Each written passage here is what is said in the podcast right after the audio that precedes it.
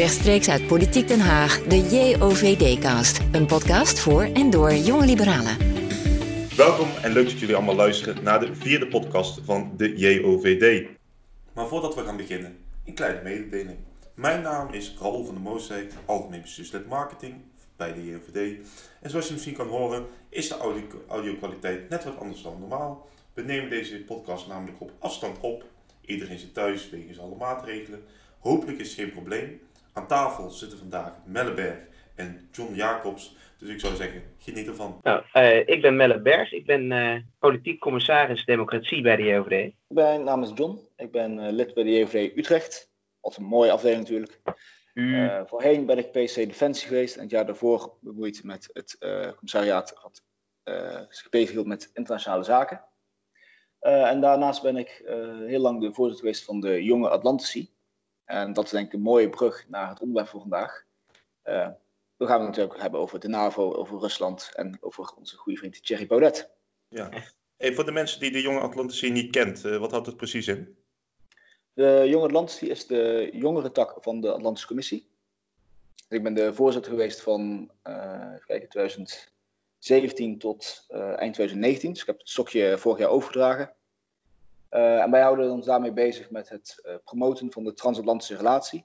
Uh, en daarin is een van de grootste spelers de NAVO, dus ook met om de aandacht brengen van wat de NAVO allemaal doet. Zoals Melle en John net al een beetje verklapten, we gaan het vandaag hebben over Russische inmenging. En dat hebben we eigenlijk op drie onderwerpen ingericht. Ten eerste, iedereen heeft het wel gehoord, Baudet en Rusland. Hoe zit dat nou precies? Uh, dan hebben we als tweede de Russische inmenging om ons heen. Plus wat er eigenlijk in de Verenigde Staten is gebeurd of wat misschien nog wel gaat gebeuren. En als laatste, moeten wij hier iets mee gaan doen? Moeten wij er wat van aan gaan vinden? En hoe zien wij de toekomst voor ons? Om bij het eerste onderwerp te beginnen. Baudet en Rusland. Er is een hoop over te doen geweest. Uh, de menige JOVD heeft natuurlijk wel de uitzending van Zembla gezien. Daarin werd aan de kaak gesteld van wat is nou eigenlijk de verhouding tussen uh, ja, Baudet, Rusland en de partij. En ik ben wel benieuwd, wat vonden jullie van die uitzending eigenlijk? Nou ja, ik vond het een uh, interessante uitzending. Ik heb best veel gelachen ook wel, moet ik zeggen. Vooral ook door de manier waarop het gemonteerd is natuurlijk. Hè. Dat, is altijd wel, dat speelt altijd toch een belangrijke rol. Je kunt alles uit zijn context monteren. Dus we moeten ook niet blind kijken op zo'n uitzending. Maar ik heb vooral wel gelachen om de stukjes dat uh, de interviewer Henk Otte iets liet vertellen. En daarna Thierry Baudet dat uh, liet ontkennen. Terwijl, uh, en vervolgens weer een shot van Otte die even zijn telefoon erbij pakt en laat zien dat Thierry daadwerkelijk bepaalde dingen heeft geappt. Nou, dat is toch. Ik uh, kon daar vooral wel om lachen. Eigenlijk is het natuurlijk een heel triest onderwerp dat op die schaal wel Russische inmenging plaats zou vinden in onze democratie om het een beetje te verduidelijken. Uh, het is niet onbekend dat Baudet en de FVD een beetje positief tegenover Rusland staan. Mm -hmm. uh, als, ik het, als het goed bijstaat, stond in het verkiezingsprogramma van, van, van het Forum in 2017 dat we de relatie met uh, Rusland moesten normaliseren. Ik ben wel benieuwd. Hè? Kijk, de roddels gaan al langere tijd eh, dat Baudet en de FVD natuurlijk positief staan tegenover Rusland. John, wat heeft deze uitzending van Zembla uh, teweeggebracht? Zijn, zijn er nieuwe feiten naar voren gekomen? Nou, ik denk dat dat het uh, lastig is, zeker in deze tijd. Dat heel veel de media aandacht is natuurlijk aan uh, COVID. Dus je zag vorige week kwamen er wat reacties. Ik denk dat het een dag of twee ehm, in het publieke debat heeft gezeten. En daarna is het eigenlijk al afgezakt. wat ik echt tekenend vind zijn de reacties van Thierry zelf. die heeft het over een, een, een WhatsApp-groep met vrije gedachtenwisselingen belangrijke discussies. Dus het, het wordt alweer een beetje gedownplayed en vervolgens hoor je er niks meer van. Um, wat mij betreft, als ik dat zo een beetje volg en ook zeker het GPL uh, discussie en ook verder uh, de disinformatie die vanuit Rusland komt, zie je eigenlijk heel weinig nieuws in dit verhaal. Het is alleen weer een bevestiging van zaken die al langer speelden. Een mooie samenvatting eigenlijk van de afgelopen vijf jaar. Maar dat de reactie verder blijft uit en dat vind ik heel jammer. Ja, maar dat is eigenlijk wel gek. Misschien kan Melle dat toelichten. Want het ging natuurlijk over dat Baudet of de partij misschien geld heeft aangenomen. Uh, Baudet die zegt, uh, we, we, doen niks, we hebben niks mee te maken. Henk Otte die geeft het aan. Wat, zijn wat, wat, wat, is jouw blik hierop? Heeft Baudet geld aangenomen? Heeft de partij geld aangenomen? Of is het echt opgeblazen door de media? Nou ja, kijk, daarvoor moeten we natuurlijk in zijn portemonnee kunnen kijken. En godzijdank is dit, een vrij, dit wel een vrij land. En kunnen we dat niet. Zouden we ook niet moeten willen. maar ja, dat hij geld aanneemt, dat zou heel goed kunnen. Ik denk trouwens wel dat het ook belangrijk is om hierbij te, te, bedenken of Baudet nou een pion is van de Russen of niet. En ik denk dat dat niet het geval is. Baudet heeft de Russen gebruikt en de Russen willen Baudet kunnen gebruiken. Wat nu natuurlijk niet kan, want twee zetels in de Tweede Kamer, daar haal je niet zoveel mee, behalve media-aandacht. En uh, Baudet die laat zich dan financieel waarschijnlijk, hè, dat weten we niet zeker, in het zadel helpen door de Russen. En de Russen die hebben daarna wat invloed hier. Ja. ja, kijk, de partij zou het natuurlijk niet hebben gekregen. Want het lijkt me een beetje gek dat Henk Otte aan zo'n uitzending meewerkt. Terwijl hij te zijn tijd in, uh, gewoon penningmeester was van de partij. Dan zou hij medeplichtig zijn. Dat klopt. En dan zou hij natuurlijk uh, het zoveel mogelijk onder uh, stoelen en banken willen schuiven. Ja, dat weet ik niet. Hij is wel heel boos op Thierry, hè? Dus jij wil zeggen, jij, jij denkt dat hij zijn eigen of ja, zijn eigen persoon in, in de politiek en in de media zou opofferen om Thierry in hak te zetten? Begrijp ik dat nog goed? Nou ja, opofferen niet zozeer, maar het punt is nu natuurlijk wel dat als. Uh, uh, het is een beetje die prisoners dilemma. Dat als jij, bekend, als jij bekend en de ander niet, dan krijg jij één jaar straf en de ander tien jaar. Als je allebei bekend krijg je allebei vijf jaar. Als je allebei ontkent, krijg je allebei twee jaar, zoiets.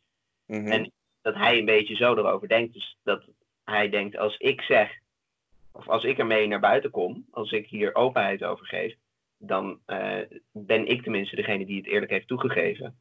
En als ze achter iemand aangaan, is dat Cherry. Ja, nou ja, kijk, um, het is heel lastig, want met informatie die naar buiten is gekomen, uh, is, het, is er eigenlijk geen pijl op te trekken. Uh, dus alle uitspraken die je doet zijn wel gevaarlijk. Maar het is gewoon een heel lastige zaak. En ik denk ook nog wel dat het vooral na de coronacrisis, als dat wat minder in de spotlight staat, dat het misschien nog wel een staartje krijgt. Uh, en vooral bij de aankomende verkiezingen. Want uh, John, denk je dat dit impact gaat hebben? Uh, ik denk dat dat wel heel erg meevalt. Ik denk dat de achterban van de FVD, ehm, die zal dit meegaan. En, zoals Thierry het altijd doet, van het is kartel en ze hebben tegen mij en, en zie je nou weer wel. terwijl de mensen die niet op Baudet stemmen, die zeggen van ja goed, dit wisten wij al. Dus in die zin uh, brengt het eigenlijk niet heel veel nieuws teweeg. Waardoor ik denk heel weinig effect gaat hebben op de verkiezingen. Ehm, tenzij dat echt kan worden bewezen dat er een, buitenlandse inmenging is geweest. En dan maakt het eigenlijk heel lastig. ook zeker bij die Zembla-uitzending. omdat natuurlijk de enige bron die ze eigenlijk wilt aanhalen, is de heer Otte. Die boos op de heer Baudet. Dus tenzij ze echt met andere bewijzen aankomen. Kijk, het mooiste natuurlijk zijn als je die geldstroom echt kunt bewijzen. Dan denk ik dat het heel weinig impact gaat hebben. Ja, je ziet het eigenlijk ook al op de socials terugkomen. Hè? De JFVD, de jongeren van het Forum, die posten de dag na de Zembla-uitzending al meteen een leuk fotootje met Cherry die boven het, bovenin ergens een kantoor van Poetin op een foto stond of iets dergelijks ja, die doen er ook een beetje lacherig over. Dus ik kan me daar wel in vinden, John. Dat ze misschien denken van, ja, we lachen het maar weg. Of uh, hier, ko hier, komt de gevestigde orde weer met een of ander lulverhaal. maar het blijft spannend. Wellicht krijg je nog een staartje. Dan gaan wij over naar het volgende onderwerp. De Russische inmenging. Vooral om ons heen en in de Verenigde Staten. Um, in, in 2018 bleek natuurlijk al dat er Russische internettrollen actief waren in Nederland. Uh, hebben wij sindsdien eigenlijk nog iets anders uh, opmerkelijks gezien, Melle? Nou ja, in Nederland op het Baudet-stukje na niet zo heel veel. Dat is ook vooral omdat het tot nu toe nog niet heel succesvol is geweest wat de Russen hebben gedaan. En dat zie je niet alleen in Nederland, maar dat zie je ook in andere landen. ze falen gewoon veel. in Frankrijk hebben ze het geprobeerd. Daar hebben ze heel actief campagne gevoerd online met zo'n trollenleger en met uh, geldstromen voor uh, Marine Le Pen. En die is het uiteindelijk niet geworden. Omdat, uh, nou ja, daar werken ze met, die, met die rondes in verkiezingen. En dat, nou ja, dat is iets waar de Russen niet helemaal mooi invloed op konden hebben. Want het heeft er gewoon in geresulteerd dat iedereen die niet op Le Pen wilde stemmen, op Macron stemde ja, dan uh, wordt Le Pen het toch niet. nou ja, daar hebben ze bijvoorbeeld gefaald. Hier in Nederland hebben ze ook nog niet zo heel veel succes gehad. FVD is uh, per slot van rekening niet de grootste fractie in uh, de Eerste Kamer ook. Nee. Al ze hebben gekozen, maar uh, dan moet je ook intern een beetje vriendelijk tegen elkaar doen. Maar um, nou ja, het vermoeden is wel dat in Amerika de Russen wat meer succes hebben gehad. en dat ze daar Trump hebben neergezet. Maar ja, daarvan denk ik ook, Trump is geen marionet. Die heeft echt wel een eigen mening. Hoe ongenuanceerd en uh, ongefundeerd die ook kan zijn. Zijn ego is natuurlijk ook veel te groot. Is nog dikker dan hij zelf. en hij staat zo hoog bovenaan in de internationale pikorde dat hij zich niet zomaar zal laten bespelen. Dus ik denk dat de Russische inmenging om ons heen um, uh, uh, sowieso vaak faalt. En dat is ook wel een beetje waarom we er niet meer zoveel over horen. Ik denk dat ze op zoek zijn naar een hernieuwing van de strategie. Oké. Ja, eh, zoals je aangeeft, het, het, het, vindt wel plaats. Ik bedoel, niet voor niks heeft de IVD rond 2014, dus voor de Amerikaanse presidentiële verkiezingen, aan, aan, kunnen tonen met echt hard bewijs dat ze bijvoorbeeld bij de, hadden proberen in te breken bij ministeries, de Democratische Partij en zelfs het Witte Huis. Dus er is wel iets gaande. Ja. Uh, ik heb ook eens uh, opgevangen dat in Groot-Brittannië bij het EU-referendum uh, ook wat aan de gang was. Misschien uh, dat is inderdaad een, een, een hele, ook weer een lastige, ook zeker weer door COVID verwacht. Er is namelijk een rapport, zou er zijn, opgesteld door de Britse inlichtingendienst, over inderdaad deze relatie tussen het VK en Rusland en de Russische inmenging. Het nadeel is dat rapport is nog niet verschenen. Dat zou vorig jaar december verschijnen. Werd uitgesteld. En nu met corona ehm, zien we eigenlijk dat dat helemaal weer, ook weer de aandacht heeft verloren. Ik heb nog geprobeerd voor dit gesprek op te zoeken van, is dat rapport echt niet ergens een keer uitgegeven? Kan ik dat nog lezen? Maar het is gewoon nog niet beschikbaar. Dus dat maakt het allemaal heel lastig, want ook dit zijn dus weer, ja, er is wel iets aan de hand, maar het is lastig te bewijzen. Ja. Iedereen heeft het gevoel dat er iets is, maar ja, niemand kan het hard maken. Ja. Het is ook best wel opmerkelijk dat Boris Johnson volgens mij was dat uh, voordat hij zelf ziek werd ook uh, glashard, uh, of ja, heeft geprobeerd dat rapport ja, een beetje te verdoezelen. maar wellicht komt het nog naar boven het einde van dit jaar. het zou in ieder geval wel een hoop helderheid geven. En Melle, wat denk jij hè, als politiek commissaris democratie? Stel voor, er blijkt dat ehm, er Russische inmenging heeft plaatsgevonden bij heel, die, heel dat brexit gebeuren. Uh, ze gaan natuurlijk naar de Europese Unie. Uh, gaat dat nog een stage krijgen? Nou ja, ik denk dat het vooral in opinie zal zijn. Misschien dat het Verenigd Koninkrijk ooit in de toekomst een keer besluit om terug te komen. Dan moeten ze toetreden, moeten ze het pond opgeven. Dat, ja, dat zou kunnen. Ze zijn er nu gewoon al uit. Dat is niet iets wat je terug gaat draaien omdat er uh, op een bepaalde manier campagne is gevoerd. Kijk, het hoeft niet per se een legale campagne te zijn, want dat is dit niet, dit soort inmenging. Maar om nou alles er daarom terug te draaien, je weet niet hoe groot die invloed is geweest. Het kan zijn dat hij net wat heeft uitgemaakt. En het was heel krap, natuurlijk, hè, dat referendum. Mhm. Maar uiteindelijk, ja, je weet niet uh, hoe groot die invloed werkelijk is geweest. En als iemand zich daardoor laat beïnvloeden, dan is dat toch uiteindelijk wel die mening van die kiezer. Ik bedoel, elke partij voert ook campagne en praat iedereen ook wat aan. Daar doen wij uh, allemaal uh, in de politiek keihard aan mee. En dat hoort er gewoon bij. Dus ik denk niet dat we per se juridisch een staartje kan krijgen, behalve dan dat we internationaal achter de Russen aangaan met sancties, dat soort dingen. Wat ik ook weer niet zou doen. Nee, daar hebben we daar nog wel even over. Maar John, zijn wij dan in oorlog, als je het in harde woorden mag zeggen? dat is een lastige. Um, in 2017 bij de Munich Security Conference heeft uh, de Russische minister van Buitenlandse Zaken wel gezegd uh, dat, we een oorlog, of dat zij in oorlog zijn met het Westen. Dus als één partij de oorlog verklaart uh, en de ander zegt dat is niet zo, ja, ben je dan in oorlog. Um, kijk, het is geen oorlog zoals we oorlog echt kennen. Eerste Tweede Wereldoorlog hebben we natuurlijk 50 jaar bevrijding. Kijk, zo'n oorlog is het echt niet.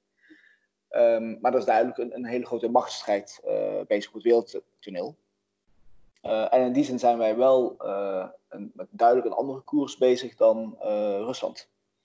je zag na de Koude Oorlog leek het heel even op, zo rond tot aan 2004 denk ik, ehm, dat, het Rus, dat Rusland ook ging verwesteren, dat democratie daar ook een, een betere route vast kreeg. En dat is eigenlijk nu onder Poetin is dat helemaal weggeslagen en dat blijft nu steeds afzakken. Nou, ben je nou echt een oorlog met elkaar?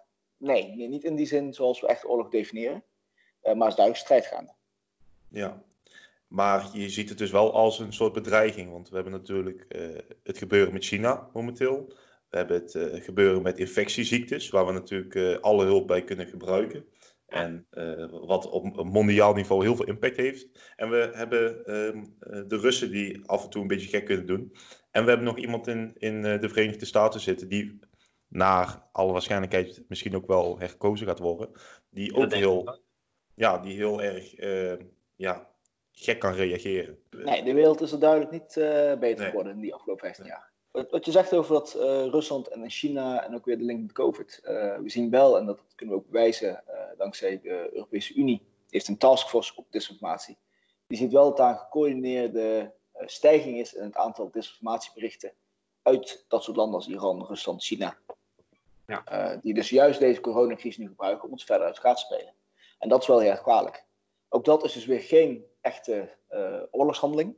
Maar we kunnen wel over eens zijn dat dat niet heel aardig is. Dat we bevriend zijn met die landen. Ik wil trouwens nog wel eventjes in de coronacontext zeggen dat het juist. de Russen zijn wel trots dat zij zo weinig coronagevallen zouden hebben. Maar dat betekent eigenlijk alleen maar dat ze gewoon totaal uitgesloten zijn van de wereldeconomie. En dat is een beetje sneu, vooral. Ja, maar de vraag is ook wel of, dat het nou, of die cijfers uiteindelijk wel kloppen. En uh, ik denk dat we daar wel vraagtekens bij kunnen zetten. Cijfers uit die landen die kloppen allemaal niet. Nee, maar even als voor dit punt concluderende vraag. Is er nou echt daadwerkelijk een probleem met de Russische inmenging in Nederland? Ik denk dat ja. Melle daar al een beetje antwoord op heeft gegeven. Ik denk het wel. En dat brengt ons eigenlijk naar het, wat, het laatste gedeelte van uh, deze discussie. Uh, wat moeten wij daar dan van vinden? En als we er iets van vinden, moeten we actie ondernemen. Ik denk, Melle, wat vind jij ervan? Nou het is kwalijk, maar het is niet het einde van de wereld wat er gebeurt. Um, uiteindelijk zijn al onze politici nog steeds wel hun eigen personen. Uh, ze zijn politicus, dus dit zijn mensen met een mening. Mensen die er uh, uh, zitten om hun mening door te drukken eigenlijk hè, in beleid. Dat zijn geen mensen die zich makkelijk laten commanderen. Dat, dat zul je altijd hebben. Zeker de mensen die, worden, die door, de Russen, door de Russen worden getarget. Want nou ja, je kunt maar beter iemand die een beetje vooraan staat beïnvloeden dan een backbencher, want daar heb je toch niks aan. En dat zijn mensen die zich niet makkelijk laten commanderen. Dus ik denk dat uh, als die Russische inmenging er is, dat is heel, het is heel kwalijk en we moeten er echt iets aan doen. Desnoods moeten we uh, de Russen aanpakken. Maar ja, hoe pak je de Russen aan? Zonder zelf mee te gaan doen in zo'n spel. Dus je kunt geen sancties opleggen, je kunt niet terug gaan hacken. Want dan verlagen wij ons tot hun niveau. En het liberalisme is niet agressief. Ja, ik denk dat uh, de effecten niet zo heel groot zijn, maar het is wel een heel kwalijke zaak. Mooie woorden. Het uh, liberalisme is niet zo agressief. John, we hadden het er straks over, vooral met jou, van ja, zijn we nou in oorlog? Hè? Uh, jij zei, uh, het is geen oorlog die we ooit hebben gekend. Althans, als we het een oorlog noemen. Want kunnen we eigenlijk wel een oorlog zijn met een land die, waar wij niet oorlog aan hebben verklaard. Ja, wat vind jij ervan? En wat voor acties zouden we dan onder moeten, moeten, moeten ondernemen? Ja, ik zou me deels aan me melden. Um, ik, onze democratie en onze vrije woord, dat is uh, in deze onze zwakte. Want het laat dus toe dat andere uh, desinformatie kunnen verspreiden. Dus vragen natuurlijk of dat echt van Rusland is. Of dat het elders vandaan komt. Maar tegelijkertijd is dat ook onze kracht en onze weerbaarheid. Um, wat we wel kunnen doen, uh, deels hebben we uh, wel degelijk sancties, ook in EU-verband en met onze transatlantische bondgenoten, wel toegepast. Op dit moment lopen die nog tot juli 2020. En die zullen waarschijnlijk, tot nu toe is elke keer een half jaar verlengd. En alle waarschijnlijkheid worden die straks ook weer gewoon verlengd. Toen op de Krim zijn ook specifieke sancties gedaan. En wat daar heel belangrijk in is, dat het zogenaamde smart sanctions zijn. Dus dat we heel specifiek een aantal personen, staatsbedrijven en dergelijke, die daarmee targeten zodat je niet zegt van heel Rusland is, is, is fout, veel Rusland is slecht, dat pakken we helemaal. Nee, want dat, zo zien we dat ook helemaal niet. Um, je, je, kan dan bijvoorbeeld het voorbeeld aanhalen van Huawei in China. Wat ze in toen de tijd hebben gedaan. Ja, dat is een goed voorbeeld. Uh, nou, wat kunnen wij voor rest doen? Uh, zeker omdat het belangrijk is dat wij ons niet verlagen naar het, niveau van dictatoriale staten is dat we juist die, die vrijheid en wat we noemen uh, civil society, dat is in Nederland natuurlijk heel sterk, een groot verenigingsleven wat we hebben. Die EVD is natuurlijk een mooi voorbeeld ervan. En die hebben denk ik een grote rol in het uh, counteren van disinformatie en het, tegengaan van uh, dergelijke inmengingen. door juist zich te richten op hoe, en, en, zeker voor ons dan, dan jongeren, hoe betrekken we jongeren ehm, in dit hele proces van, van een stukje opleiden, een stukje eh, informatie herkennen, een stukje uh, media literacy. Om te zorgen dat als iemand dan een bericht leest of een krant leest, denkt van ja, maar jongens, dit kan wel gewoon speld zijn. Um, dus dat je snel ziet dat iets of van Russia Today direct komt, of gewoon door slechte media direct is overgenomen. ik denk dat we als we daar uh, goede bekendmaking mee, mee raken, dat helpt heel erg tegen dit soort inmenging. En dan krijgt zo'n inmenging ook, heel snel goed. Eh, je ziet bijvoorbeeld uh, met Geen Stijl, ehm, die volgen bijna direct het Russian Playbook. Nou is natuurlijk de vraag, doen ze dat expres of omdat het Geen Stijl is, juist expres om te trollen? Ehm, dat moet ook kunnen in onze liberale wereld. zoiets als Geen Stijl heeft daar gewoon bestaansrecht. Um, maar we moeten wel snappen dat als wat je daarop ziet, dat dat natuurlijk een beetje een knipoog is. Dat je dat niet al te serieus moet nemen. Op het moment dat we dat wel gaan doen, dan, dan krijgt zo'n Rusland uh, qua invloed echt impact. Maar op dit moment zie ik dat nog niet gebeuren. Oké, dus je zegt echt wel het opleiden van en het bewust maken van je bevolking. Ja, uh, ja ik denk ook dat een belangrijke noot is om toe te voegen dat uh, bijvoorbeeld bedrijven als Facebook, die voor een hele grote groot deel ook uh, de media bepalen, althans van wat wordt er duidelijk naar bepaalde groepen gecommuniceerd en wat niet dat zij, uh, zij hebben ook heel duidelijk gezegd, we gaan ons niet uh, mengen met politieke statements en daar trekken we onze handen van af. Ehm, en dan is het wellicht de betere optie om mensen met gezond, een beetje gezond verstand mee te geven, dat ze zelf die afweging kunnen maken. Dus eigenlijk wat ik hoor is, er, er is iets gaande, er is inmenging, is het kwalijk? Ja. Maar we gaan geen, eigenlijk geen, niet heel concreet acties ondernemen in de zin van we vallen Rusland binnen. niet dat, nee dat wij dat als uh, klein Nederland kunnen doen. En ook als Europa gaat dat heel lastig worden. Want dan krijgen we weer een discussie als bijvoorbeeld het Europese leger. Maar die parkeren we even. We kunnen eigenlijk momenteel niks beginnen dan alleen maar onze eigen inlichtingendiensten inzetten. Om ervoor te zorgen dat in Nederland geen inmenging plaats gaat vinden. Ja, ja dat denk ik wel. Je hebt een tijd, een tijd geleden volgens mij was dat minister Ollongren, maar dat kan ik ook fout hebben, die een agentschap op wilde zetten bijna tegen fake news. En dat wilden wilde veel Europarlementariërs ook. Nou, daarmee ga je gewoon precies dezelfde kant op. Dat is een beperking van het vrije woord sowieso, maar je gaat het heel militant aanvallen. En dat sluit toch niet aan bij de mensen die je ermee target. En het is ook, wat is echt nieuws, wat is nepnieuws? waarom is een overheidsinstantie daar de autoriteit voor? Het enige wat we echt kunnen doen om de Russen concreet aan te pakken, is onze eigen democratie opgeven. En dat moeten we niet doen. Dus we moeten de Russische inmenging beperken, maar niet onze eigen democratie opgeven. Dus we kunnen er niet te veel aan doen. Nee, dus ik sluit me aan bij uh, Melle. Uh, wat je ziet, NAVO breed, uh, dus tussen uh, Bondsgenoot, Transatlantische Verbond zie je een tendens richting wat we noemen information maneuver.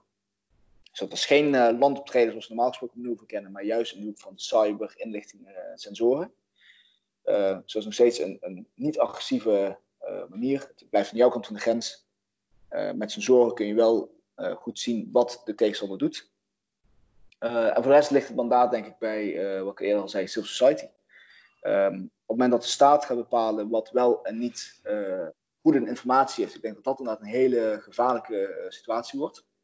dus laat die rol vooral liggen bij actieve betrokken burgers. En laat die dan aankaarten van jongens, volgens mij klopt het niet, of volgens mij klopt het wel. En laat daar vooral heel veel discussie in spelen. En hoe, langer, hoe meer discussie er is, hoe beter dat eigenlijk is weer voor dat stukje bewustwording. Mooi. Ik denk dat we dan wel een heel concrete oplossing hebben. Van lekker blijven denken en uh, lekker blijven discussiëren. En dan heeft het uiteindelijk niet heel veel zin. Ik wil jullie in ieder geval heel erg bedanken voor jullie tijd. Uh, voor jullie uh, mooie inbreng en wijze woorden. Voor iedereen die heeft geluisterd, dankjewel. Dit was de vierde aflevering van de JOVD-cast. zoals je kon horen, de audio is misschien wat anders dan je gewend bent. dit komt omdat we natuurlijk nou allemaal op afstand werken. Maar dat is geen probleem. Hopelijk heeft dit de discussie niet ondergedaan. En dan zou ik zeggen, maak er nog een mooie dag van en blijf veilig thuis.